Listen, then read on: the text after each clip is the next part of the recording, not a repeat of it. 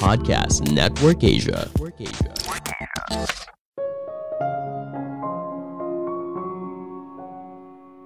Kamu hanya bisa jadi pemimpin ketika kamu mengetahui apa yang diharapkan sebagai pemimpin dan mengejarkannya, tidak hanya dengan berpikir saja. Halo semuanya, nama saya Michael. Selamat datang di podcast saya, Sikutu Buku. Kali ini saya akan bahas buku Act Like a Leader, Think Like a Leader, karya Herminia Ibarra. Sebelum kita mulai, buat kalian yang mau support podcast ini agar terus berkarya, caranya gampang banget kalian cukup klik follow. Dukungan kalian membantu banget supaya kita bisa rutin posting dan bersama-sama belajar di podcast ini. Buku ini membahas cara berperilaku seperti seorang pemimpin dan berpikir seperti seorang pemimpin. Ketika baru saja duduk di posisi yang lebih tinggi, kita ingin memberikan dampak yang lebih besar. Namun sayangnya, kita masih sibuk mengerjakan hal yang sifatnya operasional Situasi ini sering kali dialami oleh banyak pemimpin, baik yang baru ataupun yang lama. Hasilnya, pemimpin tersebut tidak bisa memberikan kontribusi yang lebih strategis bagi perusahaan. Penulis punya tips yang menarik. Kita mungkin selalu diberitahu kalau kita harus berpikir dulu baru bertindak.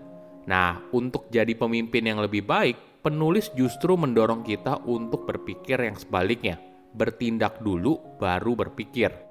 Untuk menjadi seorang pemimpin, kita perlu bertindak dulu sebagai pemimpin, baru berpikir seperti seorang pemimpin. Saya merangkumnya menjadi tiga hal penting dari buku ini. Pertama, bersikap sebagai pemimpin baru jadi pemimpin.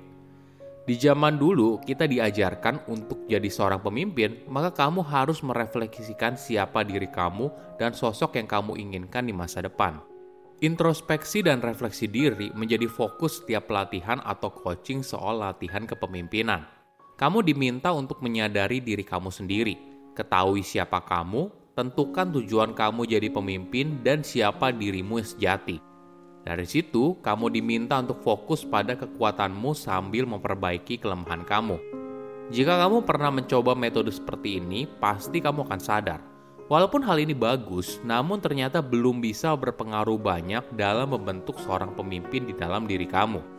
Penulis bercerita tentang seorang manajer produksi dari sebuah produsen makanan Eropa bernama Jacob. Dia mengaku kalau setiap harinya dihabiskan seperti pemadam kebakaran, pergi dari satu titik ke titik lainnya untuk menyelesaikan masalah produksi. Untuk bisa beralih ke posisi yang lebih tinggi, Jacob sadar kalau dirinya tidak bisa terus-menerus mengerjakan hal yang sifatnya operasional, tapi harus mulai berpikir dengan lebih strategis. Dia harus mulai fokus pada hal yang lebih penting. Misalnya, bagaimana membesarkan bisnis, meningkatkan kolaborasi antar departemen, dan mengantisipasi perubahan pasar yang bergerak begitu cepat. Apa solusinya?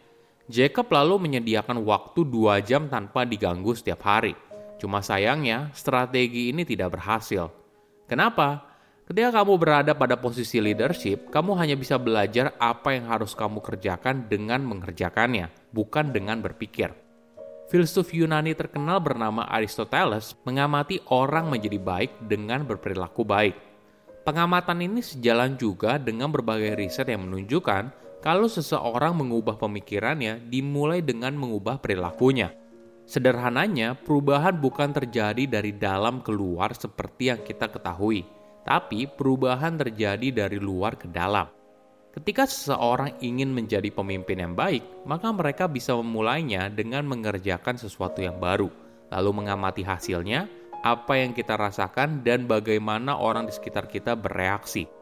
Kemudian, kita baru bisa melakukan refleksi diri dan bahkan menginternalisasi apa yang bisa kita pelajari dari pengalaman ini. Dengan kata lain, kita bersikap seperti pemimpin dulu, baru kemudian berpikir seperti seorang pemimpin.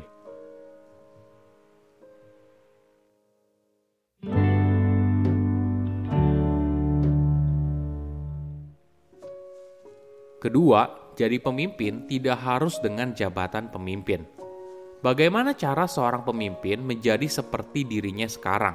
Sepanjang karir, penulis meneliti bagaimana seorang mengalami transisi dari pekerjaan lamanya menjadi seorang pemimpin. Ada kesalahan besar yang biasanya dibuat oleh para peneliti. Banyak riset mengidentifikasikan para pemimpin hebat, inovatif, dan autentik. Lalu mencari tahu siapa mereka dan apa yang mereka lakukan. Hasilnya, mereka menemukan berbagai jawaban. Misalnya para pemimpin itu mengenal dirinya dengan baik, tahu kekurangan dan kelebihan mereka, punya tujuan yang jelas, dan menjadi diri mereka sendiri. Sayangnya, riset tersebut jarang memberikan panduan secara nyata dari perjalanan mereka yang dulu menuju diri mereka sekarang. Bagaimana sih agar kita bisa berperilaku sebagai pemimpin? Penulis memberikan beberapa saran. Seorang pemimpin adalah orang yang menawarkan ide baru, memberikan kontribusi di luar bidang keahliannya, atau mampu menghubungkan orang dan sumber daya untuk mencapai tujuan besar perusahaan. Jika kita melakukannya terus-menerus, maka reputasi dan pengakuan sosial kalau kita punya potensi menjadi seorang pemimpin akan terbentuk sedikit demi sedikit. Di sisi lain, pemimpin di perusahaan juga mulai mendukung karir yang kita jalani. Misalnya memberikan tanggung jawab yang lebih hingga akhirnya diberikan jabatan yang lebih tinggi. Menariknya, transisi jabatan kita dari yang sekarang ke posisi leadership tidak selalu disertai dengan jabatan yang lebih tinggi secara formal. Berdasarkan riset yang dilakukan oleh penulis selama periode 3 tahun, 56% responden mengaku kalau adanya pemangku kepentingan berbeda yang harus diurus. 53% mengaku adanya peningkatan tanggung jawab lintas departemen. 30% mengaku kalau adanya penambahan karyawan di dalam timnya. Di tengah semua perubahan ini, hanya 47% yang mendapatkan promosi jabatan secara formal. Sisanya diharapkan untuk mengambil peran leadership yang lebih luas dengan jabatan yang sama. Saya rasa hal ini juga banyak terjadi dalam kenyataan.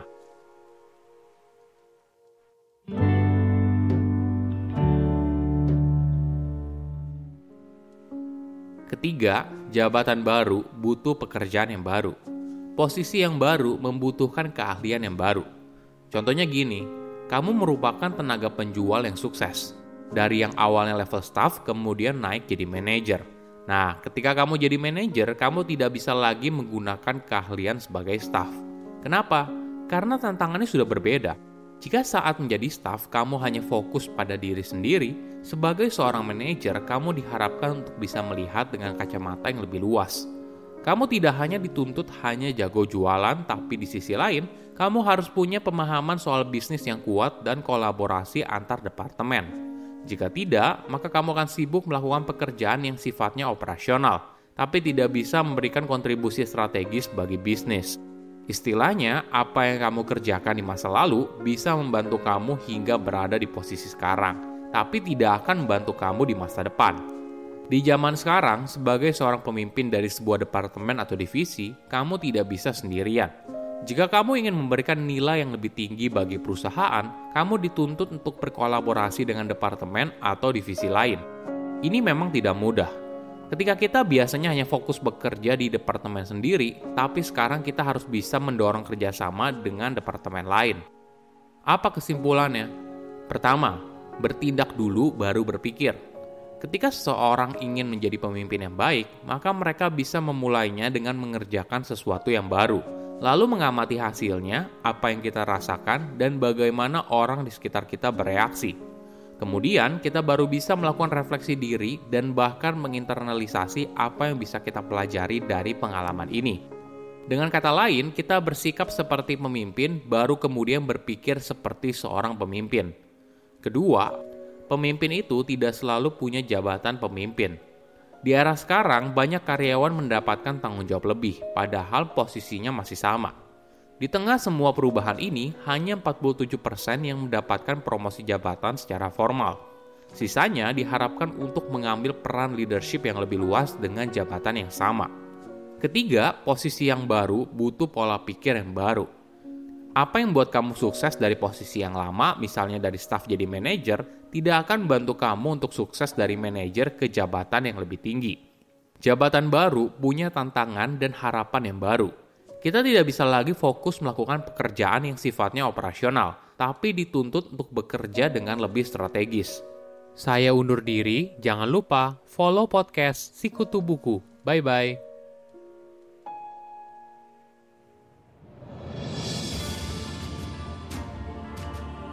Ah, there you are. Come aboard, come aboard. I am Captain Thurl. Welcome aboard my ship, the Komodo Dragon. An apt name for a pirate and gentleman of fortune like me. Arr! Now, now, Jimmy, let's not feed our guest to the sharks on the first night.